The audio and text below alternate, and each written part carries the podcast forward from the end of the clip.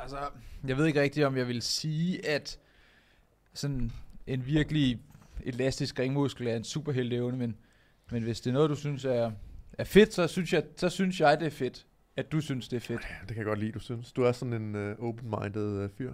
Apropos øh, ringmuskler. Og velkommen til Ytringspligt. Vi skulle da tilbage i bunkeren. Ægte, ægte tilbage i bunkeren den her gang, faktisk. Vi har fire afsnit, øh, hvor vi har været øh, Hvor du sammen. har haft fire pixels. sig. Ja, ja, til sammen på tværs af fire. Sidste afsnit, det gik helt galt. Men nu er vi altså ægte tilbage i virkeligheden herinde.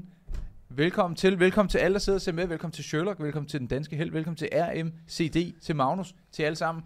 Øh, jamen, øh, meget skidt siden sidst. Hvordan, sker, hvordan, hvordan sker den i privaten? Hvordan går det, Lars? Jeg synes, det går godt. Uh, jeg er lidt øm i kroppen. Jeg er begyndt at træne Ja. lidt igen uh, efter nogle måneders pause. Det kan altid mærkes. Men, Det kan øh, man jo godt se. Man kan jo eventuelt smide et like, hvis man godt kan se, at uh, Lars er blevet en uh, bøffet uh, marker. Ja, efter en gang, så er det nok mere op i ens hoved, at man øh, er blevet bøffet. Kender Ja. du ikke det, at øh, nogle gange, så tænker man, ah, ah, jeg er blevet lidt 100 og sådan noget. Og så træner man to og en halv gang, og, Og så, så, man, så ændrer øh, hele He-Man. kropssproget sig til, øh, til sådan en... Øh, skud, Ja. lige, øh, tag, tag lige telefonen. Hey, hvad så? Øh, øh, kan jeg nærmest ikke høre dig for alle dillerne i nakken. Øh, jeg kender det godt. Øh, men du har jo også engang været dørmand, så øh, du skal jo helst have et par diller i nakken, ellers så passer du ikke rigtigt til profilen. Ja, jeg kan gøre sådan her. Ja, øh, jeg kan lave diller forover til gengæld. Det er jeg faktisk ret god til.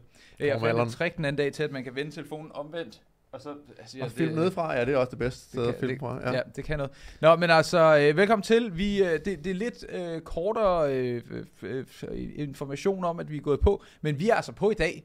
Og der er ikke noget, øh, nogen vej udenom det, og det kan være, at vi næste Er der overhovedet gang... nogen, der ser med? Masservis. 110 vis. Der er masser til. Øh, og næste gang, der går vi faktisk på formodentligt med øh, et øh, gæstepanel, og øh, det kan være, der kommer fest og farve. Så hvis ikke allerede du har trykket på den der røde abonner-knap, så husk at gøre det, inden vi kommer alt for langt. Dagens program, Lars.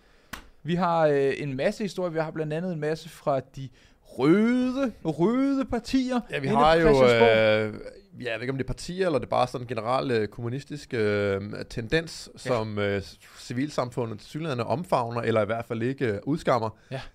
Vi har nemlig en fyr, der hedder Søren Mau. Jeg tror, han hedder Søren Mau, ikke Søren Maus. Øh, der har skrevet øh, en bog om, at han ikke kan lide kapitalisme, og øh, han synes egentlig bare, at øh, den private ejendomsret, den skal ophøre. Mm-hmm. Øh, ham skal vi snakke en lille smule om. Ja. Så har vi lidt øh, corona igen. Det er nemlig en, vi har nævnt før. En, Jo. øh, en fyr, der har en skønhedsklinik, der hedder... Med nu- klinik. Ja, den hed kli- klinik... Klionik. Kl- Skincare i Roskilde. Skud til Roskilde. Ja, øhm, han har fået øhm, 750.000 kroner i bøder. Nogle Mhm. gange et par bøder om dagen for at holde åbent. Men Ja. ja. forsørge sig selv og sin familie. Det vil Ja. han ikke betale. Ham synes jeg godt om. Mm-hmm. Så har vi øh, Folketinget, Ja. der vil bruge nogle penge. Overraskelse, tænker I så. Men øh, det her, det er, jeg vil ikke sige, det er mere tosset end normalt, men det er i hvert fald noget, der viser, at de er tosset. De vil nemlig bruge 200.000 skattekroner på en podcast, der hylder Folketinget. Ja. Så at give 3,5 øh, milliard til DR om, øh, om året, for at de kan bedrive statspropaganda, det er åbenbart ikke nok, så nu skal der lige 200.000 kroner mere ned i lommen på Let's go. blandt andet øh, Esben Bjerre. Øh, ham, hvad nu hans podcast hedder sammen med... godt. Her går det godt. Her går det godt. Her går det, ja. Dem har vi jo engang trollet, da vi lavede valgnat. Det var ret morsomt. Det var Det var faktisk et af mine favorit uh, highlights fra den valgnat. Det, det, var det sjove. Det var, altså- jeg, jeg, jeg var helt vild med, da Rasmus Paludan blev lidt sur på mig. Ikke sur på, han lød lidt som om jeg ikke var der. Og så var jeg helt vild med, at, uh, at vi til sidst, da vi var færdige, vi havde streamet i syv timer i streg, og vi havde haft problemer tre gange, så vi var gået på og af og på og af og på øh, til samstrikker. Og øh, hvor vi til sidst så, klokken den er nej, nu fucking fem om morgenen eller sådan noget, så sender vi folk hen til Her går det godt podcast, hvor de sidder og livestreamer, og det er Ja, ja, det- ja, no offense boys, men det er røvsygt. Altså, de sidder, det, der det, sidder vores, to... vores, vores, vores røvsygt. Ej, vores Man var kan- nice. Man Vi kan ikke havde- holde noget kørende i 6 timer, uden det bliver røvsygt. Det var pissefedt. Men deres, der sad de bare, og de sumpede, og det, det er så pisket. Og så var sådan lidt, hey, alle sammen, der sidder og følger med nu, alle fucking, I don't know, 400, 500, 600 mennesker ved med, gå ind lige og skrive uh, skud til YP i chatten. Uh, og så gik alle folk ind og gjorde det, og uh, det var herligt. Da jeg kom hjem om uh, morgenen, så tjekkede jeg lige min computer igen, og så var jeg sådan lidt, de er stadig i gang med at skrive skud til YP, og, uh, ja, og jeg skulle hele vejen fra Struer, fordi vi er jo i Struer. Nå, men uh, 200.000 skattekroner på en podcast, Der hylder Folketinget. Der Der hylder betaler Folketinget. Folketinget. Ja. Med, øh, der er måske et kvart kritisk spørgsmål i den der podcast, øh, afsnit 1, tror jeg. Nå, Nå. Er, er, første afsnit er simpelthen lavet, eller hvad? Det er den vist, ja. Om de fordomme, de møder. Uh. ja at de er nogle øh, magtgale idioter. Ja, det er de jo også. Det er jo ikke en fordom. Okay, Nå, hvad ellers? øh, så har vi også øh, vores øh, yndlingsemne, nemlig Pernille Skipper, der jo er blevet mor for anden gang. Godt for hende.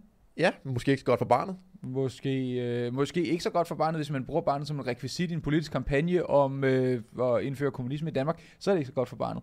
Men, øh, Nej, fordi jeg er jamen, hun, øh, ligesom sidste gang hun fik et barn, øh, der så vi også en udsendelse om det, den der alle hader feminister Ja. øh, ting. Der har hun jo valgt øh, ikke rigtig at holde barsel, men bare sådan tage direkte på arbejde, nogle gange med baby på armen mm. Og sådan noget. Det er der også et længere videoindslag om her, vi, hvor vi kan nedsable den gode skipper. Vi kan komplementere hendes øh, dårlige valg for det dårlige valg. Vi kan ikke komplementere, Ja. men vi kan kommentere på dem. Festminister. Sidst men ikke mindst. Festminister. Ja. Ja. Han er, øh, der er nogen, der har holdt fest hos Socialdemokraterne, og de. Ja. har fyret den lidt af, og der har politiet været til stede. Ikke det største, den største nyhed ever, men altså, hvis nogle socialdemokrater siger noget dumt, så kan vi da godt kommentere på det. Og hvis øh, politiet kommer og øh, skal tale med socialdemokrater, der har festet for, øh, for vildt og vanvittigt, og hvis Magnus Heunicke har været DJ, så, så, skal vi, så skal vi kommentere på det. Det kommer til sidst i afsnittet, men øh, lad os øh, stille og roligt hoppe... øh, Først, før vi glider ind i første nyhed om øh, kommunisme, så havde vi jo en øh, lille en debat. Hvad var det, Ben? Det var, at øh, Folketinget lige er åbent. Det er korrekt. Og, øh, og jeg sad med det samme og plæderede for, at jeg da ville ønske, at de holdt sommerferie i 364 dage, om- helst 365 dage om året. 365,25 Kommer dage, vi har også mange, skudår med. hvor mange uh, skud øh, decimaler nu er. Ja. Jeg synes, de skulle holde ferie altid, og jeg vil gerne øh, give nogle millioner til, at de kunne være permanent på ferie. Ja. Men din holdning til det var jo ikke helt den. Nej, fordi du begyndte stille og roligt, altså så normalt så øh, vi øh, er sådan lidt mere nedtonet, inden vi går på, og det er sådan lidt, sidder bare og small talker lidt, og så lige pludselig så hører jeg dig, Lars, de skal bare holde lukket for evigt, så havde det været meget bedre. Og sådan lidt, Nå, okay, du er på vej ind. I, vi er fandme ved at varme op nu, og så er jeg sådan lidt, øh nej, de burde faktisk slet ikke holde øh, sommerferie ind til starten af oktober. Hvem fuck holder sommerferie så lang tid? Og så siger jeg, at de er jo stadig på arbejde, fordi vi kan se, hvor dårligt det gik med Afghanistan. Og så siger du, Det er en biting. det er en B, B-ting. En biting. Det er en bit, det er en, det er en biting. Det- Ja, fordi altså, min, mit argument er, at øh, det aldrig bliver bedre, når politikere er på arbejde. De laver flere love, de laver højere skatter, de laver øh, mindre frihed til folk. Så jo mere tid de har til at lave deres arbejde, nu laver jeg air quotes til dem, der er øh, på podcast only, Ja, Øh, jo mere Eller tid dem, der de er har, blinde. Jo mere tid, eller dem, der er blinde. Ja. Øh, jo mere tid de har til det, jo værre. Så jo mere de kan blive hjemme fra Folketinget, øh, des bedre. Og så er det rigtigt nok, at øh, så vil der ikke blive ophævet nogen love, eller sænket nogen skatter og den slags. Men det bliver der ikke alligevel. Så rent pragmatisk, så vil jeg synes, at øh, hvis man bare stoppede, pragmatisk. hvis man stoppede, der er ikke noget pragmatisk i det. jo, det er et super pragmatisk forslag. Hvis man, hvis man Rent bare, pragmatisk. Hvis jeg siger, hvad jeg virkelig dybt inde føler som idealist. som så- i at lukke Folketinget Ja. helt, øh, ja, men altså, der vil ikke komme flere love. Nej. Og så friheden vil ikke øh, yderligere blive, øh, blive, blive ødelagt, hvis de ikke var på arbejde. Ja. Så kan man argumentere for, at embedsværket kunne lave nogle bekendtgørelser, nogle cirkulære, og de kunne begynde at have nogle andre procedurer, og der kunne måske godt blive øh, altså sådan lidt mission øh, creep alligevel ud til, at øh, vi kunne få mindre frihed. Men alt i alt er mit argument, at øh, det ville være bedre for alle os, øh, der godt kan lide frihed, hvis de ikke var på arbejde. Men det er ikke dit argument til synligheden. Nej, mit argument er, at vi skal have nogle mere kompetente mennesker ind, og så skal de være på arbejde fucking hele tiden, fordi hvis man skal styre Hvad skal de lave den hele tiden? største virksomhed i Danmark, som jo er regeringen, er det jo i bund og grund. Det er det jo. De har jo Altså, et, et budget på 1100 milliarder. og øh, et sted mellem en tredjedel og to tredjedel af befolkningen, som der får penge ud af dem. Så det er en rimelig stor virksomhed i gåseøjne for, øh, for, for dem, der ikke øh, kan nå op og se øh, øh, skærmen. Altså, så jeg vil sige mere kompetente mennesker, og så skal de på arbejde, og så skal de ikke have en sommerferie, der var indtil Men den hvor, hvad skal de lave, når de er på 4. arbejde hele tiden? Hvad, hvad, hvad, hvad forventer du, de vil få tiden til at gå med? De skal øh, indføre et direkte demokrati, hvor vi via en app kan stemme på, om ja eller nej, vi skal have en øh, tåbelig barselslovgivning, for eksempel. Jeg tror, det er mindst øh, meget mindre pragmatisk end, end mit øh, bud, og for de rigtige mennesker kommer heller aldrig derind. Nej, Det gør de jo ikke. Altså, Men fordi der findes, ikke, der findes ikke de rigtige mennesker til politik, fordi der er ingen, der kan styre et helt land op fra og ned. Hvad, hvad, hvad er det, jeg hører? Er det Tommy Ahlers, der taler til os lige nu og siger, han, han var sgu da... Ja, det er rigtigt. Han var faktisk et udmærket bud. Øh, og han klarede sig faktisk også meget godt. Så øh, rip venstre. Øh, men nej, du ret, der, der er langt imellem øh, skarpe kandidater i, inden for dansk politik. Men, øh, men jeg synes nu ikke, at man skal holde sommerferie lukket så lang tid. Men jeg Men- forstår din ja. pointe. Men det, der ikke er langt imellem for at lave sådan lidt uh, Linus Sebastian segway, hvis der er Ja. nogen af jer, der ser uh, Linus Tech Tips, det gør du ikke, nej. Linus, Seb- nej, Linus Tech Tips, det er Lost. Ja. Ja, det er, nej, ikke Linus Sebastian. Linus Benjamin. Benjamin Linus, Nå ja, der har jeg tænkt på. Ja, nå. Den segway, den gik i øh, vasken, men det, der ikke er langt imellem, er det ikke langt er imellem? kommunister i den offentlige debat. Det var der mange af. Vi har nemlig... Øhm, Vi er blevet sådan lidt en antikommunist podcast på det seneste. Det kan jeg godt det bør man da være. Altså, kan jeg ligesom godt man er, skal være antinazist, så skal man også være antikommunist. lide. U- umiddelbart. Men du kan jo drage nogle paralleller til nazisme. det måske. Åh oh, ja, det går sagtens. Øh, men sidste gang, øh, tror jeg, eller var det forrige gang, der talte vi om, at øh, Pelle Dragsted, han har været ude og sige, at, øh, som I kan se på skærmen her, at Mette Frederiksen kan blive den næste store landsfader, men hun skal træffe et afgørende valg. Mm-hmm. Og det er så i et uh, interview, hvor øh, Pelledrengen, han siger, at øh, han synes, at øh, Socialdemokraterne har klaret den her corona-ting rigtig godt. Og øh, man godt kunne lære at de tiltag, man har øh, lavet under corona, altså sådan noget med at lige nedlægge et helt erhverv, eller lige lave nogle øh, ret grove indgreb i folks frihed og den slags ting, det øh, var Pelle ude at sige, at øh, det synes han var en fed idé, og det kunne man godt bruge fremadrettet til at fremme øh, venstreorienterede synspunkter, så man ligesom kunne forme samfundet op fra og ned. Hvis man lige havde noget industri, man ikke synes, man havde brug for fra politisk hold, eller Ja, hvis folk, hvis folk levede på en måde, man ikke lige præcis brød sig så meget om, så kunne man også bare sætte øh, staten til at lukke det, og det ved vi godt, øh, vil komme til at betyde øh, politi med hunde og knibler og i sidste ende skydevåben og sådan noget. Ikke særlig dejligt. Og, øh, og det var jeg jo sådan lidt bestyrtet ved, da jeg læste den øh, udtalelse fra Pelle Dragsted. Altså jeg ved godt, at han er en totalitær klovn. Men alligevel... Vel, veltalende totalitær klon. Ja, det er jo det, der er lidt af problemet, og så er problemet også, at der er mange mennesker, der simpelthen er så stupide, at de øh, ikke kan gennemskue, at Mm. mm. sådan noget kollektivisme og top-down-styring ikke virker. Nå, tænker jeg, det var lige den enlige øh, kommunistiske svale her i, øh, i den måned, men det viste sig så, at det var det faktisk ikke alligevel, fordi øh, en fyr, der hedder Søren Mau, som jeg endnu, øh, altså, det er første gang, jeg hører om, om har heller ikke ham vedkommende her, øh, han er en, øh, han har en Ph.D. i øh, filosofi, arbejder på et universitet, jeg ved ikke, om det er KU, eller hvad det er, øh, men han har skrevet en Ph.D.-afhandling, som han har lavet til en bog, På SDU. Ja. er på, er på SDU, det er så SDU, øh, der er universitetet. Og øh, den her bog hedder Stum Tvang. Øh, jeg synes, vi skal se hans, øh, han har haft en lille optræden i øh, DR2, så lad os prøve at se, hvad han siger i 47 sekunder inde hos dem. Let's go. Let's go. Med dit bud på den kritiske marxisme, den har fået en varm modtagelse også i politikken her i weekenden. Den her nye bog, den hedder Stum Tvang. Hvad er Stum Tvang? Stumtvang er et udtryk, som jeg øh, henter fra Marx hovedværk Kapitalen, og som er et forsøg på at beskrive en særlig form for magt, der gennemsyrer det kapitalistiske samfund. Noget af det, der er karakteristisk ved kapitalismen i modsætning til andre historiske samfundsformer, er, at den er gennemsyret af en form for abstrakt og upersonlig tvang, der ligesom er indlejret i hele det økonomiske system, øhm, og, øh, og, som, øh, og som sikrer, at hele samfundets økonomiske aktivitet indrettes efter et princip, som ikke er menneskelige behov eller øh, naturens grænser, men er profit. Ikke? Så, så De fans ka- kapitalister, mand, de kommer her, og så kan de ikke forstå kærlighed og kollektivisme, og vi skal alle sammen være fælles om det, så skal vi komme bedre ud af det på den anden side. Hvad tænker du, Lars? Øh, jeg tænker, at det er noget, jeg også før har hørt fra Pelle Dragsted, når han kritiserer, at der findes arbejdsgiver- og arbejdstagerforhold, for eksempel. Altså nu har jeg ikke sat mig meget, meget dybt ind i, jeg har ikke læst hans afhandling, jeg har ikke læst bogen, men altså den stumme tvang, han taler om, er med 99,87 procent nøjagtighed det forhold, at man faktisk er nødt til at foretage sig et eller andet her i livet, hvis man ikke skal gå til. Mm. Altså at man ikke bare kan sidde på sin flade røv, og så flyver der grillkyllinger ind i munden på en, og, øh, og øh, man, man kan yde efter øh, evne og nyde efter behov og alle de der marxistiske idealer. Det er det, som den her fløj mener er tvang. Altså tvangen, der ligger i, at man fandme er nødt til at lave noget for at overleve. Altså, sådan har det altid været, øh, og sådan vil det altid være. Mm-hmm. Øh, det er bare blevet mere utydeligt i vores moderne tidsalder, fordi vi har jo velfærdsstaten, og vi har alle mulige ting, og vi har så mange øh, materielle goder, at sådan den sulten ikke melder sig sådan lige præcis på dag et fra, hvor vi ikke gider at lave noget.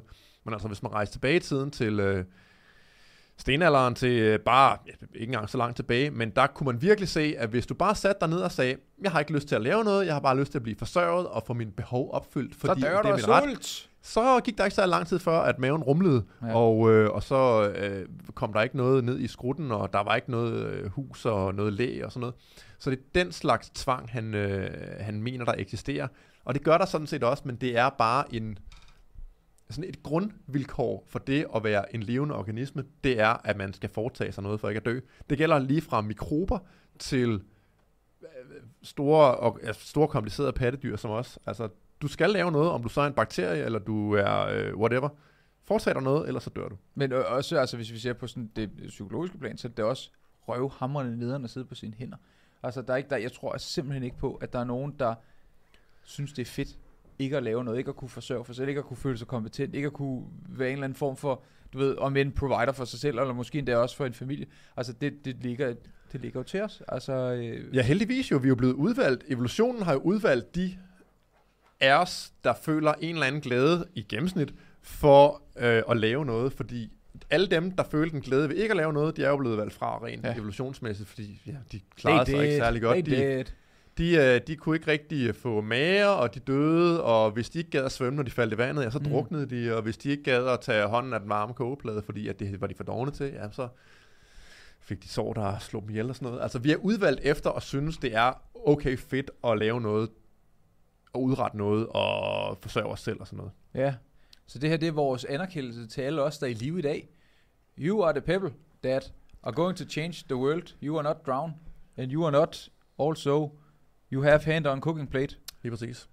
Men jeg synes, vi skal læse lidt op af øhm, artiklen her fra, øh, fra Berlinske, hvor vi kan få øh, lidt flere af, af Søren Maus øh, tanker, ligesom. det. Så øhm, det er øh, hård stof, men øh, jeg synes, det er ret vigtigt at se, at der er sådan en fremspirende kommunisme, der ikke rigtig bliver im- øh, sagt imod. Men som rigtigt. du også sagde, inden vi gik på, at det er sjovt, at hvis det havde været nazisme, der havde været øh, fremmed af en eller anden, der kalder sig selv for en filosof, Ja, ja, ja. så havde så havde man slået hårdt ned på det. Så gået man i orden. altså, han var blevet fyret fra universitetet, og øh, der var nærmest demonstrationer mod ham. Og, og med god grund vil jeg så sige, for jeg synes, og, og synes, nazisme er forfærdelig, men jeg synes også, kommunisme er forfærdelig. Så jeg synes også, at der skulle satme også være modvind på en tosse som ham. Og det er der ikke. Altså, Og det er der folk, ikke. folk i mainstreamen, altså sådan på den bløde venstrefløj, og også sådan den bløde højrefløj, hvis De, der de hylder det jo. findes. Altså. Ja, de synes, det er spændende. Det er sådan, nej, nogle spændende tanker. Ej, du tør tale om revolution, og hvor er det, hvor er det spændende, der er nogen, der tør at, at have nogle helt andre idéer, end Præcis. det vi har. Hvor de sådan i virkeligheden bare skulle sige, stop det. Hvordan i alverden kan du sidde og fremme noget, der i de 30-40 øh, tilfælde i verdenshistorien, øh, det prøvede på stor skala, altid har ført til hungersnød, øh, massemord, øh, totalitære øh, udryddelseslejre, nakkeskud og øh, altså Når alle skal have det lige godt, så får alle det lige dårligt. Ganske alle de grimme ting i verdenshistorien, og det er der ikke rigtig nogen, der, øh, der øh, råber op om, altså andet end os, og lidt, lidt Cepos og sådan noget. Skal vi have lidt uh, højtlæsning for dvæve? Det skal vi nemlig have. Ja. Så vi starter. I 2021 er det ikke hver dag, at man hører et uanfægtet forsvar for den kommunistiske revolution. Nej, heldigvis. Men det gør vi så nu. Ja. Men noget er ved at forandre sig. Marxismen er atter ved at rejse sig blandt yngre danske akademikere, og det er Søren Mario, han er ung og, og smart og chic og veltalende. Det var mig, der sagde det. Der med nye radikale analyser og teorier drømmer om at vende op og ned på det eksisterende samfund. Mm. Jeg har ikke noget mod at tale om revolution og en revolutionær afskaffelse af kapitalismen, siger den 32-årige marxist og kommunist Søren Mau, der ihærdigt arbejder på at overbevise sine gener- generationsfælder om, at mar- marxismen øh, som, som den politiske teori, der bedst forklarer vores verden lige nu. og så skal vi lige, altså han er jo meget ærlig, og det Ja, ja, ja. må man da sige, at øh, det var en af de eneste ting, man kan sige til hans forsvar. Men øh, vi husker på, at marxismen er, er jo et økonomisk system, det er en økonomisk teori, der i basalt set handler om, at altså den værditeori, der er, ligger bag marxismen, det er, at jo mere arbejde, der lægges i noget, jo mere er det her noget også værd. Så det er sådan meget børnehave-agtig tilgang til det. Altså, hvis jeg bygger et sandslot, og det tager mig fucking 200 timer at bygge det her øh, grimme sandslot, måske endda, det er virkelig grimt, Måske pænt. og så siger jeg 200 gange min tid, det er 200, det, det er 1000, jeg tager for hver time, så nu er sandslottet 200.000 kroner værd. Fordi en høj det er kun... Ja, det er fordi, jeg tager meget i timen. Altså, jeg, 2 jeg bygger er ikke, en sag. bygger ikke sandslot øh, gratis, vel? Nej, det er klart. Øhm, så det er den tid, der går ind i at bygge noget, der giver det værdi, er sådan øh, de centrale, den centrale pointe bag den marxistiske filosofi, og det er, altså det kan alle nærmest afskrive med det samme, fordi det er jo ikke den tid, der går i det. Du kan godt lave et andet grimt på lang tid, der ikke er en skid værd, fordi hvis der ikke er nogen efterspørgsel efter det, hvis andre mennesker ikke værdiansætter det, du har skabt, så er det faktisk ikke noget værd. Mm. Så øhm, det er de, øh, den økonomiske tænkning, der ligger bag marxismen, og så er marxismen også det, det her med klassekamp, at øh, samfundet er inddelt i klasser, og, og øh, kapitalisten øh, udnytter arbejderen, fordi der, øh, der er forskel på, hvor meget kapitalisten tjener, og hvor meget arbejderen så får. Altså så alt det, der bliver faktureret til en eller anden, det er jo ikke det, som... Hvis jeg nu er elektriker for eksempel, ikke? Nu er jeg halvt, halvt elektriker. Så jeg får sikkert kun halv løn eller sådan noget. Men altså, hvis jeg er ude og arbejde for min mester, og han øh, fakturerer 500 kroner i timen for, øh, at du har ret i, at det er en bedre idé det der. Det var noget, vores øh, podcastlytter ikke opdager, men det er noget, som folk vil brokse over derude. Nå, men i hvert fald, så hvis jeg bliver øh, faktureret 500 kroner i timen øh, af mester, han sender den regning til den, jeg nu er ude og lave arbejdet for, så kan det godt være, at jeg kun får 200 kroner i timen. Så altså, mester beholder 300 kroner i timen, fordi jeg er ude at arbejde. Og det er så de her pukkelrykkede øh, marxister, de påstår, det er, at så er jeg blevet udnyttet på en måde, fordi jeg ikke får hele det beløb, som mit arbejde har skabt. Og så glemmer de bare typisk, at, øh, at arbejdsgiveren også udfylder en meget vigtig funktion i økonomien, nemlig at finde arbejdet, organisere arbejdet, lave regnskaber, øh, købe en kaffemaskine til kontoret, øh, drive firmaet og gøre alle de ting, som den typiske lønmodtager ikke gider at gøre. Øh, den typiske lønmodtager vil komme klokken 16, nej, klokken 8, og vil gå klokken 16, og så er det det, og resten er uddelegeret til arbejdsgiveren, og det er sådan en symbiose, som folk lever godt med, fordi langt de fleste mennesker gider ikke være selvstændige. Det er et pukkelarbejde at være selvstændig. Man har masser af problemer, man skal løse dem selv, og bla bla bla. Så de fleste vil hellere være lønarbejdere. Og det er altså så det, den aftale, man indgår, det er, at øh, man samarbejder med arbejdsgiveren om, at han skaffer arbejdet og de logistiske rammer, og så laver man arbejdet, man bliver sendt ud til. Og, og det er så øh, lidt af det kapitalistiske system, som de her mennesker synes er øh, gudsjammerligt forfærdeligt. Øhm, så øh, det har jeg også været inde på før i forhold til Pelle Dragsted og sådan noget. Nogle af de andre tosser. Ja, at de ikke forstår det. Nå, vi øh, læser videre. Øh, det centrale for mig er, at jeg gerne vil have afskaffet de grænser for menneskelig frihed, som kapitalismen sætter. Hvis man kan gøre det med, med et læserbrev i politikken, er det fint med mig. Det vil være fedt, men jeg tror, det bare, jeg tror bare ikke på det Lad os lige pause. Altså man kan sige, det er centralt for mig, at jeg gerne vil have afskaffet de grænser for for menneskelig, menneskelig frihed. frihed, som kapitalismen sætter. Jeg vil jo sige, det er fuldstændig modsat. Altså det er jo et spørgsmål om, at han som kommunist, Mølle for pokker også må, må kunne forstå, at, at, at det sætter langt flere øh, g- grænser for. Hvad, hvad, hvad tror du, der har bidt ham? Fordi at hvis vi skal prøve at, du ved, at lade som om, vi tager pragmatikerhatten på, hvad, hvad fanden tror du kan drage en til at blive marxist og kommunist? Jeg vil sige, når jeg kaster en ud lige nu. Ja. Pussy. Det er et godt bud. Så jeg sagde bare, pussy. Det er et udmærket bud, og det er sikkert heller ikke et helt forkert bud. Øh, Jeg tror bare ikke, det forklarer det hele, at man godt vil, øh, man godt vil tiltrække de der lækre venstrefløjs øh, kvinder. Øh, Jeg man? tror, det er en, en dyb, dyb, øh, sådan lidt Narnia-fantasiopfattelse af, hvordan verden hænger sammen og burde hænge sammen. Fordi det er jo meget lækkert at tænke på, at ressourcerne bare er til stede, uden vi be- behøver at gøre noget for det. Det er jo meget, altså det er jo på nogle måder sådan en sympatisk måde at bare tænke, jamen alle mennesker skal bare have alt det, de gerne vil have, og de skal lave det, de gider at lave. Mm. Men det er jo bare ikke sådan, verden hænger sammen. Øhm, så de her mennesker, de har en øh, sådan en, en fantasi om, at, øh, at verden, at der skal være snydekode af verden, basalt set. Der skal være en snydekode, der gør, at der bliver flere ressourcer, end der er i forvejen. Og man ikke rigtig skal gøre noget for at skabe de ressourcer, og for at, og ligesom at få alle de ting, og al den mad, og al den husly, og sådan noget, man synes om sig. Det kan godt være, at øh, noget af det er drevet af ren og skær. Øh, jeg vil gerne til fest med venstreorienterede kvinder, der er øh, klar på øh, tage fat. Øh, men jeg tror også, det er simpelthen bare sådan en, en barnagtig øh, tilgang, der handler om, at de ikke forstår, bas, forstår basalt set ikke, hvordan virkeligheden hænger sammen, og hvad for nogle grundlæggende altså hvad for nogle grundlæggende mekanismer, der berører alle levende væsener, og som vi ikke kan slippe ud fra. Altså det der med, at man skal bevæge sig og gøre ting for ikke at dø, det tror jeg basalt set ikke, de helt tror på, eller har forstået. Man kan... Øh, jeg vil gå så vidt som at sige noget, som jeg aldrig har sagt før. Tanken om kommunismen. Kommunismen er en smuk tanke.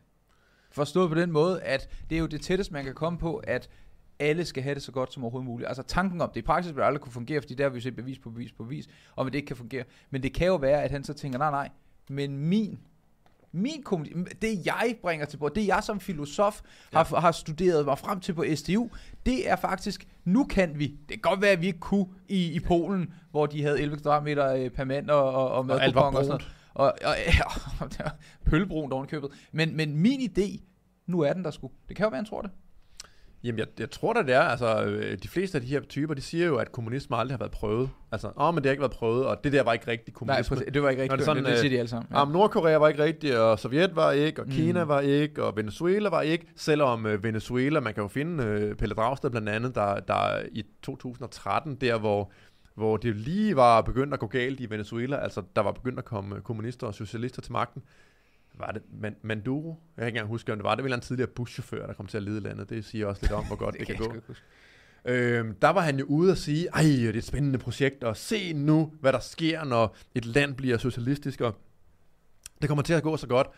Og så gik der lort, og så mm. hørte man ikke rigtig noget fra Pelle Dragsted. Så det har været prøvet rigtig mange gange i verdenshistorien, og det har aldrig fungeret. Og det kan godt være, at man ikke, kan, man ikke måske er klog nok til at forstå teorien bag det, netop altså det, at mennesker skal have et incitament til at lave noget, men også at, at den frie prisdannelse på et privat marked øh, giver noget information til hele markedet om, hvad der er brug for i markedet, og det kan heller ikke sådan simuleres ordentligt Men du kan heller ved ikke finde, kommandoøkonomi. du kan ikke finde mening i livet ved at være afhængig af andre mennesker. Jeg tror simpelthen ikke, at der er nogen mennesker, der har lyst til det. Ganske enkelt. Altså, jeg tror ikke, at du på en, okay, måske meget korte øh, bane, så kan det være, det er meget fedt, at man ikke skal lave noget. og så Ja, man lige bare tager et par år på dagpenge eller Ja, sådan ikke? noget. men du kan, jeg kan satme love dig for, at det er ikke et liv, der er værd at leve på en lang bane. Det tror jeg simpelthen ikke på.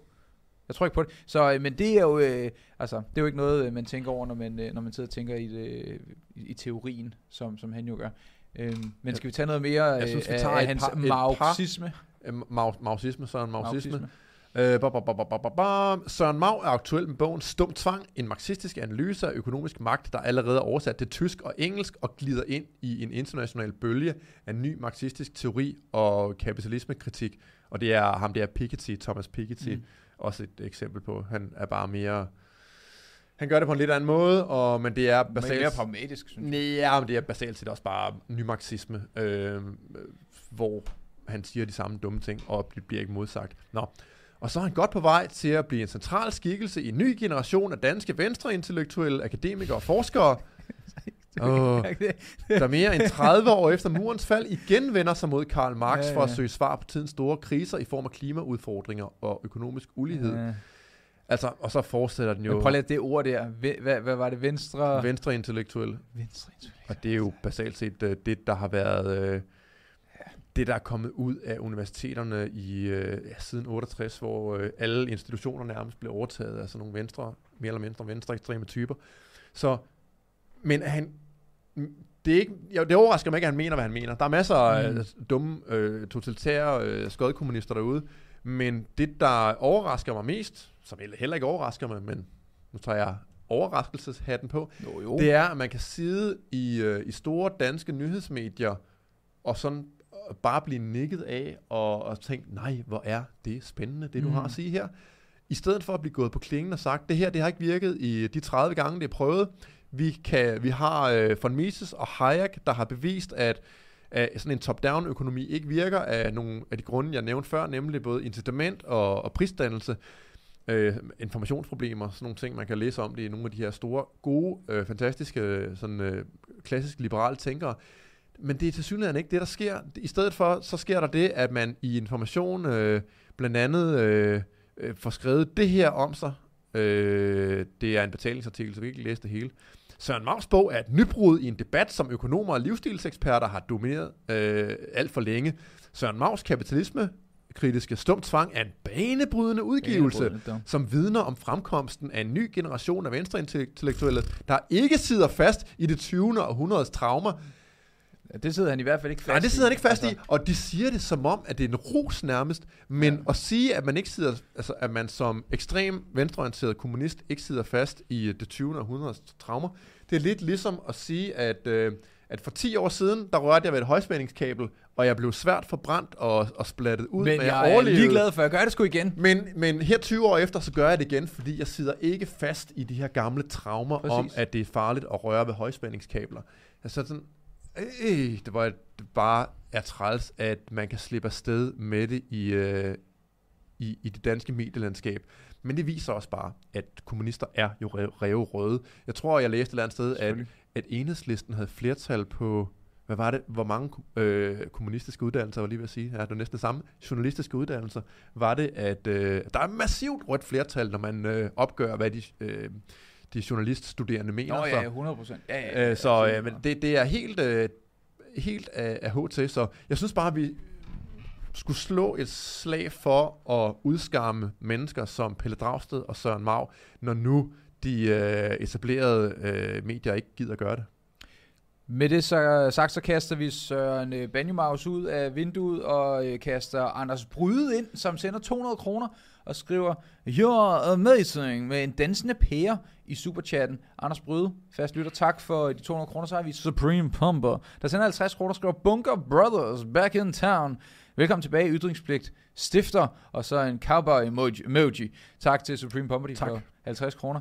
Øh, og så har vi freelance, bindestreg, punktum, punktum, punktum, der skriver curl, og sender 20 kroner. Tak fordi 20 kroner freelance, bindestreg, punktum, punktum, punktum. Thomas Jensen sender 100 kroner og skriver, jeg elsker, jeg elsker Lars uendeligt, dog inden for grænserne af min seksualitet. Så er spørgsmålet så, hvilken seksualitet du har, Og hvilke Øhm, grænser du har. Og hvilke grænser du har. Men tak for de 100 kroner, øh, Thomas Jensen. Og skal vi se, om øh, jeg måske har været det hele igennem. Det har jeg. Øh, godt, lad os øh, hoppe øh, videre, for vi er faktisk allerede på 31 minutter, Lars. Det er som tiden jo flyver i godt selskab. Når jeg begynder at tale om, at jeg ikke kan lide kommunister, så kan jeg hurtigt få en halv time til at gå. Skal vi lige øh, nå, øh, Carl Jung, han har lige sendt en 50 også. Klar til mit idé.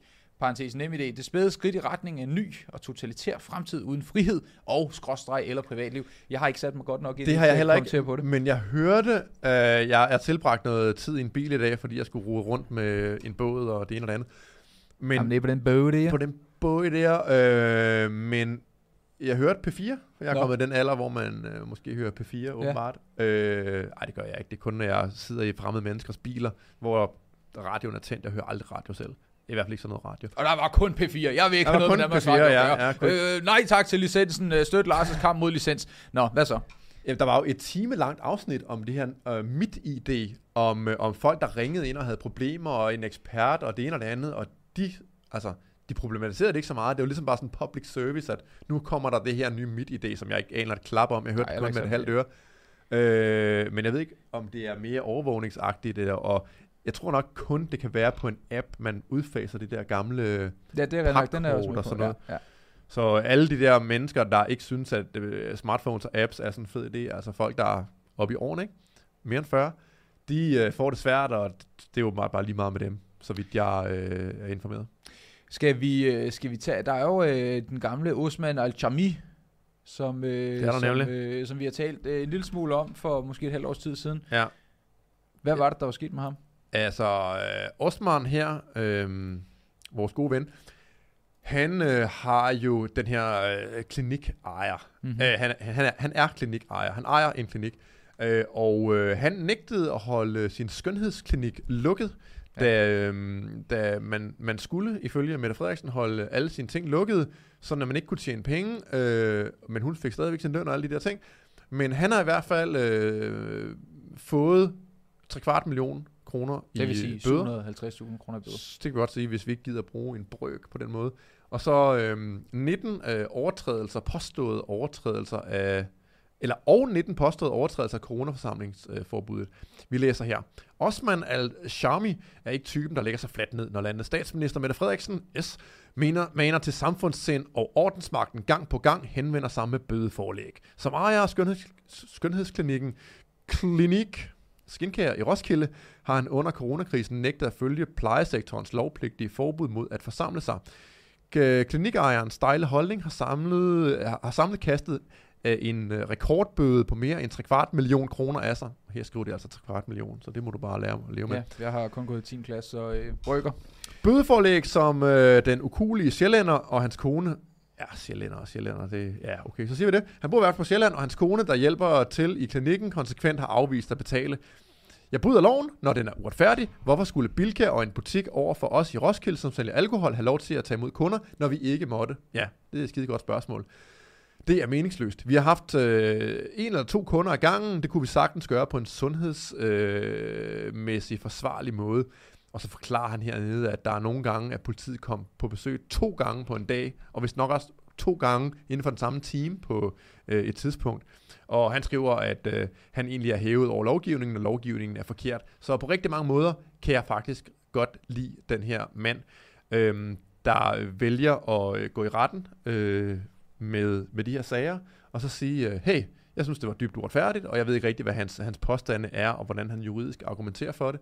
Man kunne måske vælge at argumentere for, at øh, grundloven øh, måske kunne gælde, øh, også i hans klinik. Øh, men jeg synes, det er også lidt påfaldende, at det tit er, altså det er, det er folk med udenlandsk baggrund, der tør at sætte sig op imod sådan noget her. Altså, Men in Black var jo også ret meget præget af, at mm. det var mennesker af udenlandsk herkomst, der, øh, der, der stod for at drive det. Og det synes jeg er lidt sigende om mange danskere, at der ikke er særlig meget kampvilje i mange øh, etniske danskere. Vi er sådan et, øh, et øh, stille folkefærd, der bare siger, øh, men så må vi hellere gøre det, hvis Mette Frederiksen siger, at vi skal.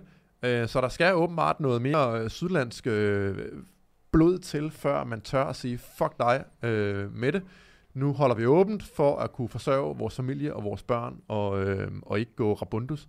Øh, også være, han bare har været lige så principfast som dig. Og det kan også tænkt, være. Ved fordi, hvad, jeg er sgu fucking ligeglad, det er sådan, det skal være. Bom, bom, bom, bom, ja, fordi jeg synes, der er nogle af de ting, han har sagt, der sådan tænker, er jo noget, jeg kunne have sagt. Mm. Så jeg, jeg ville være yber glad og lykkelig, hvis jeg måske havde inspireret en enkelt tanke eller to hos ham. Hvem ved? Hvem ved? Øh, men øh, skal vi snuppe øh, Skipper? Skipper Skræk? Skipper, ja. Skipper Laksovs? Hun er efterhånden en, øh, en skræk. Hun har jo også Ekstrabladet er jo faktisk begyndt at gøre det ret godt i forhold til ja, videomedie. de kritiske.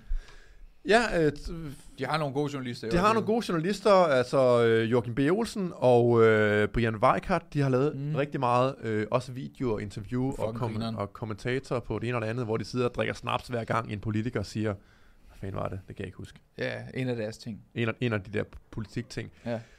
Men øh, layup'et til den her historie, det har vi jo næsten lavet i flere andre, øh, de samme podcast, det er jo de her nye barselsregler, øh, som Pernille Skipper, hun er ellevild efter at få indført, altså hvor mænd og kvinder bliver mere ligestillede. Mm-hmm. Det vil sige, at mænd og kvinder måske kommer til at opføre sig mere ens.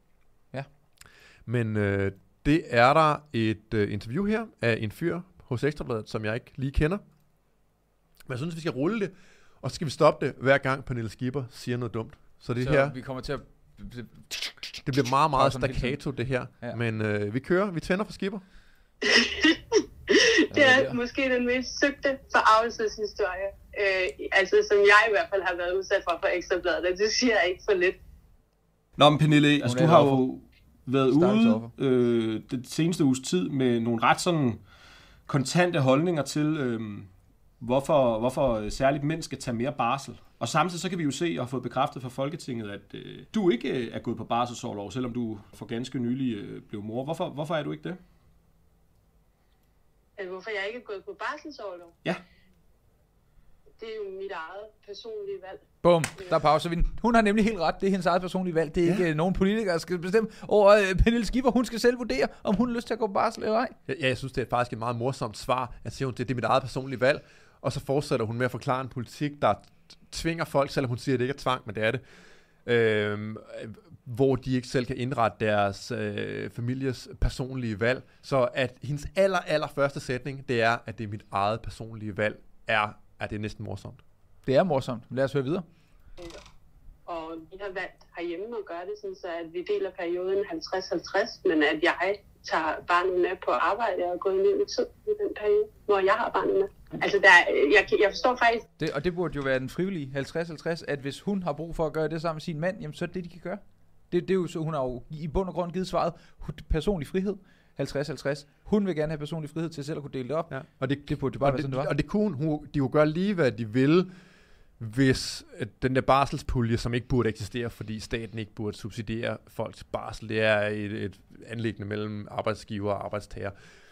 Øh, men bortset fra det, altså hun gør lige det her, hun, hun gør nu, hvis deres øh, pulje hjemme hos øh, herre og fru Skipper øh, bare var, var frit fordelt. Så igen sådan nærmest et argument imod sin egen politik. Ja, det kan man sige. Det er det. Du må lige forklare mig her, hvad det er, der... Nej, jamen, nu kommer hun det, jeg bare spørger til, det er, hvorfor, hvad skal man sige, vil du bede danske mænd om at tage mere barsel, men du vil ikke selv tage barsel? Min mand tager mere barsel. Her synes jeg bare, altså, jeg vil nødt give Pernille Skipper ret, men jeg synes, hun har lidt en pointe. I, han angriber hende jo egentlig for sådan noget hyggeleri, men hun er jo ikke en mand.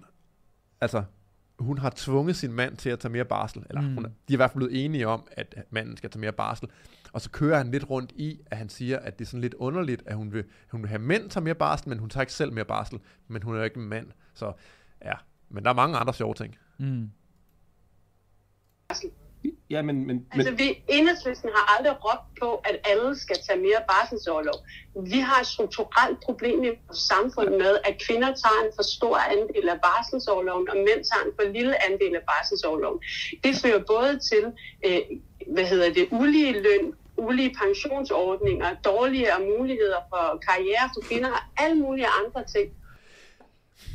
Og hun har ret i, at folk vælger forskelligt, men hvor vi andre ser det som en naturlig del af det at være menneske, at mænd og kvinder er forskellige og vælger forskelligt, der ser hun det som noget, noget skidt. Så hun vil gerne bruge tvang, og om det er så indirekte eller direkte, til at gøre mænd og kvinder til de samme slags mennesker. Men hun har jo ret i det, at det er dårligere, altså, at hvis man påtvinger den, så står folk, og jeg vil aldrig nogensinde sige, at lighed ud fra resultat på nogen måde øh, gavner noget som helst, men jeg kan godt se hendes pointe i, at hvis mænd og kvinder skal tage lige meget barsel, så vil der aldrig blive kigget på kvinder på samme måde, som man kigger på på, på kvinder lige nu, hvis de vælger at tage barsel. Fordi hvis, hvis du er en arbejdsgiver, der så siger, ved du hvad, jeg skal skulle have hyret mig ind til at, øh, I don't know, øh, til penge. Til, til penge. Så, øh, og, og du kan se hende kvinde der, der er sgu en reel sandsynlighed for, at hun lige pludselig er væk i ni måneder. Hvis du ved, at hun kun er væk i fire og en halv måned, og øh, den anden kandidat, som er en mand, også er væk i fire og en halv måned, så vil, så vil, det, være, så vil det være mere lige. Så jeg kan godt forstå det, Pernille Skipper siger, men jeg er dybt uenig i, i hele præmissen. Det, det, det, det, er jo ikke det, kvinderne har, det er jo ikke det, kvinderne har lyst muligheder. til. Kvinder har ikke lyst til at dele barslen 50-50 med deres mænd. Altså, få har, Pernille Skipper har måske, men hun er en ganske, ganske lille minoritet, der har lyst til at gøre det her. Hun har jo både i på barn 1 og 2's, øh, øh, mens de var helt små babyer, der har hun taget direkte på arbejde, og en ting, vi så lige ikke kommenterede på, det var også, at jamen, så tager hun nogle gange baby med på arbejde. Det er kun på det der beskyttede værksted, der hedder Christiansborg, ja, ja. at man kan gå på arbejde. Nu laver jeg air quotes igen, for det er jo ikke mm-hmm. et mhm. arbejde, de har. Øh, men det, hvis du har et rigtigt arbejde, hvor du skal yde rigtige ting til rigtige kunder, der ikke er tvunget til at, at give dig penge, øh, så kan du altså i meget, meget, meget, meget få tilfælde have bips med på arbejde, fordi du skal rent faktisk arbejde, når du er på arbejde, og det kan man altså ikke, når man har en baby på armen. Så igen, her øh, viser hun, hvor yber privilegeret hun er, når hun bare kan at drible rundt ind i Folketinget med, med baby og sidde og arme lidt, og så trykke øh, jer til højere skat hver anden sekund. Men det er, jo, det, er jo ikke, det er jo ikke nødvendigvis kun et spørgsmål om, at hun kan. Det er jo et spørgsmål om, hun vil. Hun skal jo gøre det. Det er det, hun har brug for at vise over for sine vælgere. Se, jeg tager min baby. Se, hvor modelig jeg er her. Se, at jeg kan, jeg kan tage... Altså, det er jo, hun bruger jo også sin baby som en rekvisit. Altså, det er jo ikke udelukkende et spørgsmål om, at det øh, lever op til hendes værdi, og det er sådan, det skal være. Hun spiller jo spillet. Hun er jo en vanvittig dygtig politiker. Altså, det kan vi også se, hvordan hun taler udenom sig. Hun er jo, hun er jo ikke dum. På nogen måde overhovedet ikke dum. Hun bruger sin baby som rekvisit, og det er jo så... Du ved, så kan man sige, ja, er det etisk, er det uetisk, og... Øh, men, øh, men, men i forhold til øh, hendes øh, pointe med, at det er øh, ulige for mænd og kvinder, kan du se, at det er ulige for mænd og kvinder, hvis man ved, at størstedelen af kvinder vælger at tage størstedelen af barslen? Ja, ja, at det altså, er ulige øh, på jobmarkedet? Forskellige menneskers valg skaber forskellige øh, livsbetingelser for dem, så Ja, hvis man gerne vil være meget sammen med sine børn, så kan man ikke samtidig øh, få den største karriere. Altså nej, det er rigtigt. Og det er jo også fair nok.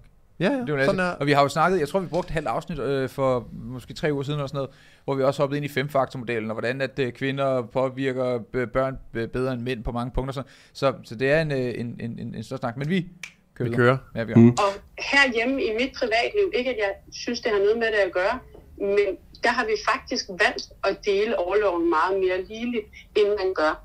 Øh, I hvert fald gennemsnitligt. Men du, og det kunne de jo gøre igen, hvis de var helt frivilligt, hvad de ville gøre. Du er jo ikke, du, altså som jeg forstår det... Så gør jeg jo faktisk det, jeg prædiker. Jamen, du er jo ikke på barsel. Du er, du er vel på arbejde så som politiker? Men enhedslisten har ikke en holdning om, at kvinder skal gå på barsel. Altså, jeg har det lidt som om, jeg er blevet ringet op i 1950'erne nu, og ekstrabladet vil have kvinderne tilbage til nej, nej, nej, nej, nej, overhovedet vi har, ikke. Vi har en politisk holdning, der handler om... Og det sjove ved det her, nu anklager hun jo bare ham egentlig for at være mandsjuvenist, men det er jo kvinderne, der egentlig gerne vil være lidt mere tilbage ved kødgryderne og børnepasningen, end altså en, en mændene vil. Altså hvis Hvordan der var... Kvinder har jo et meget større ønske end mænd om at, øh, at, at gå derhjemme. Altså jeg siger ikke alle gør, og jeg siger ikke, de vil gøre det hele tiden, men i forhold til mænd, så har kvinder mere lyst til at passe børn og passe et hjem, end mænd har. Så altså, hun anklager ham for at være mandsjuvenist, men i virkeligheden så har kvinder bare det her ønske på en måde, som mænd ikke har. Øh, ja, men det er, jo, det er jo stadig smart af hende. Altså, hun, hun spiller jo, hun spiller det, det jo det godt. Er, spiller, det er har... som, som, som usympatisk skakspiller, ja, der er hun okay. Ja. Om et generelt samfundsproblem, ja. nemlig at mænd tager en for lille del af barselsårloven. Nej, det er ikke et generelt problem, det er bare sådan, det er, og sådan de vil have det. Ja. Og det har en masse konsekvenser med sig, som jeg rigtig gerne vil diskutere med dig. Så, så mener du, at der er en eller anden form for hyggeleri i, at jeg som kvinde ikke tager bare solo? Altså, jeg som kvinde? Ja, vi gør netop hjemme ved mig det, Men... som vi ville ønske, at flere gjorde. Jeg kunne aldrig nogensinde finde på sige til nogen, at deres specifikke måde at gøre tingene på er forkert. Du kører den. det er jo netop det, hun siger til folk, at øh, folks specifikke måde at gøre tingene på er forkert, hvis der er nogle familier, der gerne vil have, at kvinden tager langt, langt det meste af barselsårloven, eller det, det hele. Den måde at gøre tingene på, siger hun jo indirekte eller direkte er forkert ved, at hun så siger, jamen så mister I bare den her den her pulje af penge, som I har gået og betalt skat til, så de facto får I egentlig en højere øh, skatteprocent ved, at I ikke opfører jer, som jeg har lyst til, at I opfører jer. Så I, det, det er jo bare direkte løgn, når hun siger, at, øh, at hun ikke synes, at nogen specifikke måde at gøre tingene på er forkert. Jo jo, du straffer dem jo indirekte økonomisk ved at, altså ved at tage noget fra dem, som de egentlig har betalt til. Og jeg vil da ønske, at det hele bliver afskaffet, men der når vi nok ikke til. Men hun er... Øh... Ja, vi kører videre. Ja, det, de fleste mennesker kan jo ikke gennemskue det her. De tænker bare, på, at hun, når hun er veltalende, hun har et eller andet form for argument, selvom det er ikke hænger helt sammen. Men hun, hun, jeg tror, det de fleste hører, det er hendes øh, selvsikkerhed, når ja, hun ja, taler. Ja, ja, ja. Altså, de hører ikke nødvendigvis, nu sidder vi jo og semi-analyserer lidt i, hvad hun siger, men det gør man jo ikke, når man hører det der, så tænker man, åh, oh, hun kunne fandme ja, bum, igen. Bum, bum, og, 50'erne har ringet, ja. bar, bar, bar. Så, så, og det er det, folk hører. Folk hører ikke, hvad hun siger, folk hører, hvordan hun siger det. Ja. Der er ikke nogen forkert måde Nej. at gå på barselsoverlov på. Det er ikke, det er ikke tvang at overlov, at øremærke en pause, del pause, af barselsårloven til mænd. Pause, pause. Øh, det er jo netop tvang. Det er jo netop tvang, fordi at, altså, hvis det ikke var tvang, så havde det været lige herude for samme mulighed. At, at de alle sammen uh, havde de ni måneder. Men, uh, men det er jo netop tvang. Det er ja, fordi at den, den skat, de betaler, den betaler de jo stadigvæk. Det er ikke sådan, man får en skatterabat, øh, hvis man siger, Nå, men nu mister jeg så de her 11 uger, som er øremærket til far, fordi han er altså rådgivende ingeniør, øh, partner i et stort firma, og han kunne altså ikke tåle lige at være væk i de her 11 uger. Så. Lige præcis. Ja, altså, og de, så der er mange folks økonomi afhænger af, af manden, øh, eller af moren, altså det, det, primært af manden, men, sådan, men altså det, er, det afhænger måske af den ene forælder mere, end det afhænger af den anden, og derfor så skal man også have lov til at vurdere selv. Det er ikke Pernille Skipper, der skal vurdere det. Man skal selv vurdere, hvem der har lyst til at tage på barsel, øh, og afhængig af, hvordan familien skruer sammen. Præcis. Familien, og, ja. Vi ser videre. Der er øremærket i dag 14 uger til kvinderne. Når jeg har valgt ikke at tage barselsårlov, så går de netop tabt. Hvis jeg er bevis på noget, så er jeg et bevis på, at det ikke er tvang, når der er øremærket. Men kan du ikke lige forklare? Der... Hvordan er hun et bevis på, at det ikke er tvang, når der er øremærket barsel? at fordi hun gør det, hun giver frivilligt, okay, hendes argument er til synligheden, at fordi hun giver mm, noget af barslen til sin mand, så er det ikke tvang, fordi at hun gør det jo frivilligt. Så det, det er ligesom at sige, at det ikke er tvang, hvis jeg virkelig, virkelig har lyst til at give, uh, give Mili Vankovic mine penge, og han kommer op og røver mig, og jeg giver ham pengene frivilligt, og så siger jeg, altså, jeg gav dem ham jo frivilligt, så det var ikke tvang, for jeg havde lyst til det, men, men hans par havde stadig med en pistol på mig, så det var egentlig tvang, hvis jeg ikke havde lyst til at gøre det frivilligt, men det havde jeg. Altså, det, argumentet, det hænger ikke sammen, det her, Pernille Skipper. Det hænger slet ikke sammen, bare fordi hun har lyst til at indrette sit liv på en måde, gennemsnit ikke har lyst til så er det jo ikke ikke tvang for alle os andre. Det er jo ikke ikke tvang. Ja, det er, det er ligesom at Lars Lykke på talerstolen der, hvor han taler om, øh, han har en masse dobbelt negativ, og så står han sådan og, og tænker sig om, det er ikke ikke ikke, og så står han der, minus, minus, giver plus, giver minus, og giver ja. minus igen. Ja, den er god nok. Ja, det er sådan lidt det, jeg rodet mig ud i. Men det er, det er ikke et argument, det her, fordi at du har lyst til voldsom sex med en eller anden, der så voldtager dig, så siger du, jamen det var ikke tvang, jeg havde lyst til voldsom sex. Men så siger folk jo, jamen det vidste ham, der gjorde det mod dig jo ikke. Øh, så hvis han gjorde det mod nogen som helst andre, så var det jo sådan set tvang, for de fleste har ikke lyst til det der. Men så er hendes argument, at det havde jeg lyst til, så det var ikke tvang. Jeg synes ikke, ikke, at vi skal fortsætte med... Nej, vi skal fortsætte med selv. Lad os se noget mere. Men, men Pernille Skipper, kan du ikke lige forklare mig, hvilke andre, som du siger, I, I gør det derhjemme, som I gerne vil have andre familier gør, altså deler det lille. Kan du ikke forklare mig, hvilke andre familier, hvor man, hvor man frivilligt kan vælge, hvad skal man sige, ikke at gå på barsel øh, øh, som den ene part, og stadig øh, øh være på arbejde med sin baby. Altså det er der vel trods alt ikke mange, hvad kan man sige, øh, områder af arbejdsmarkedet. selvstændige kvinder? Har du ja, ja, det har, dem har jeg mødt masser af.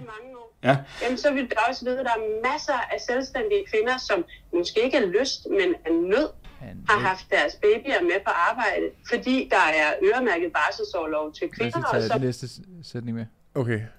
Og så må have det til at fungere med deres okay, vilde forret. Men der er nogen, der, øh, fordi der har været øremærket barsel til kvinder, så har de været nødt til at tage deres barn med på arbejde. Ja, det skulle da et argument for, at der ikke skal være øremærket barsel ja. til nogen.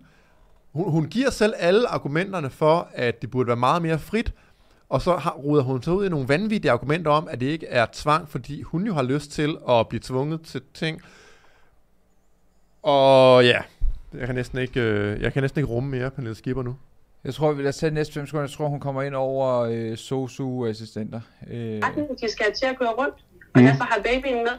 Jeg er da udmærket klar over, at hvis du er øh, SOSU-medhjælper eller sygeplejerske eller et eller andet brag, så kan du ikke okay, have din baby med på og, og hun skulle lige nå også at få dem ind, som faktisk stemmer på hende. Altså, ja. det, det er sådan, jeg taler også til, til dig, der sidder derude, som, som altså, du ved, alle SOSU, skud til alle SOSU, ja, der mister bang, hun bang, bolden lidt, ikke? Bang, bang. Fordi hun tænker, øh, det går nok få af mine vælgere, Nej, ikke nødvendigvis, og der er også masser af dumme akademikere, der stemmer på, øh, på enhedslisten. Så. Men i hvert fald, når hun lige har fået nogle af kernevælgerne med, sådan, Åh, jeg ved godt, I ikke kan jeres baby med på arbejde, det er kun mig som super privilegeret, beskyttet værkstedsarbejder, der kan danse rundt ind i Folketinget og øh, oppebære en kæmpe høj løn, Øh, samtidig med, at baby ligger og, øh, og vugger nede ved Men siden det er, jo, af stolen. det er jo faktisk ikke det eneste af den artikel, fordi det er jo, øh, altså, øh, skal vi se her, vi har jo og jeg skal se, om jeg har øh, den liggende. Det kan også være, at du har den liggende. Øh, det kan også være, at jeg har den liggende. Pirker løs! Jeg tror faktisk, det er den samme artikel. Jamen, det er den samme artikel. det er, skipper, er... øh, skipper 32 ud af 36 møder. Altså, og det er jo igen et ret godt tegn på det med, at det fungerer jo tydeligvis ikke særlig godt. At hvis ud af 36 møder, så er hun dukket op til fire. Ja, men der, der er nogle ting med, at hvis det er møder, der ikke har noget at gøre med ens ressortområde og sådan noget. Jeg er ikke helt sikker på, at man kan være så så øh, hys over det, men øh, jeg synes, vi skal se, hvad Jorgen B. han siger om det, fordi øh, han siger faktisk også noget.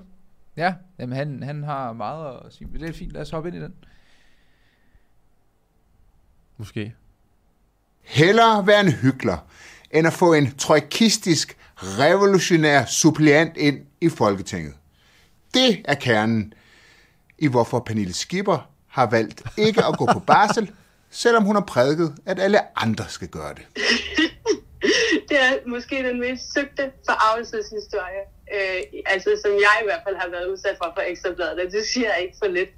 For det første, Pernille Skipper synes, at det var meget problematisk, at Ekstrabladet overhovedet problematiserede Pernille Skippers manglende barsel. Jeg passer alle mine arbejdsopgaver. Jeg er på fuld tid. Alle mine arbejdsopgaver. Sådan lød det fra Pernille Skipper. Men nu viser det sig, at det var en stor, fed løgn. For Pernille Skipper har ikke passet sit arbejde i Folketinget. Hun er udeblevet fra 32 af 36 møder. Vi taler om afstemninger, vi taler om samråd, vi taler om høringer, vi taler om tilsyn, og vi taler om udvalgsrejsedage. Au, au, au. Den var ikke god, men hvorfor har Pernille Skipper så ageret på den her måde? Jo, ser du, Pernille Skippers suppleant er en meget upopulær skikkelse i enhedslisten. Det er nemlig Jonathan Semmel, en trojkistisk revolutionær. Han har talt om væbnet revolution i Danmark, og det passer ikke helt ind i den rejse, som enhedslisten er på, hvor man skal være et mere pragmatisk og kompromissøgende parti. I virkeligheden så er det meget klogt af Skipper at forhindre, at Jonathan Simmel kommer i Folketinget. Problemet er bare, at hvis man har en så det er åbenbart baggrunden også, at der er nogle, øh, nogle ting i baglandet, der gør, at hun hellere vil sidde på stolen, i stedet for at overlade det til nogen, der ikke lige afspejler, hvordan... Øh, hov, vi glemte at sætte... Øh, glemte at sætte øh, Joachim på. Så kunne man kigge på os i stedet. Så kunne man kigge på os i stedet for. Vi er bøffet en øh, Joachim B. Altså, skal vi øh, prøve Vi har, øh, vi har stadigvæk øh, tid til øh, vores øh, øh, fest-story. Hvad siger du til det? Så også, vi kunne tage den i after hours. Festminister. Hvad, har, hvad tænker du så? Jeg tænker, at vi tage den, når folk de uh, kommer ind i vores uh, lille ja, men ved du hvad, det er jo det er ordene. Vi kører videre på Patreon. Der kom skråstrej ytringspligt. Lige om et splitsekund, der er et link direkte nede i beskrivelsen. Du er også meget velkommen til bare at skrive det. Uh, ytringspl- uh, Patreon.com, skråstrej ytringspligt så kommer man derind, koster 40 kroner om måneden, og så kan man blive medlem af vores øh, lille støtteforening, som jo faktisk øh, øh, er ved at være op på øh, rigtig mange medlemmer, så tusind tak til alle jer, der støtter med øh, og, og ser med.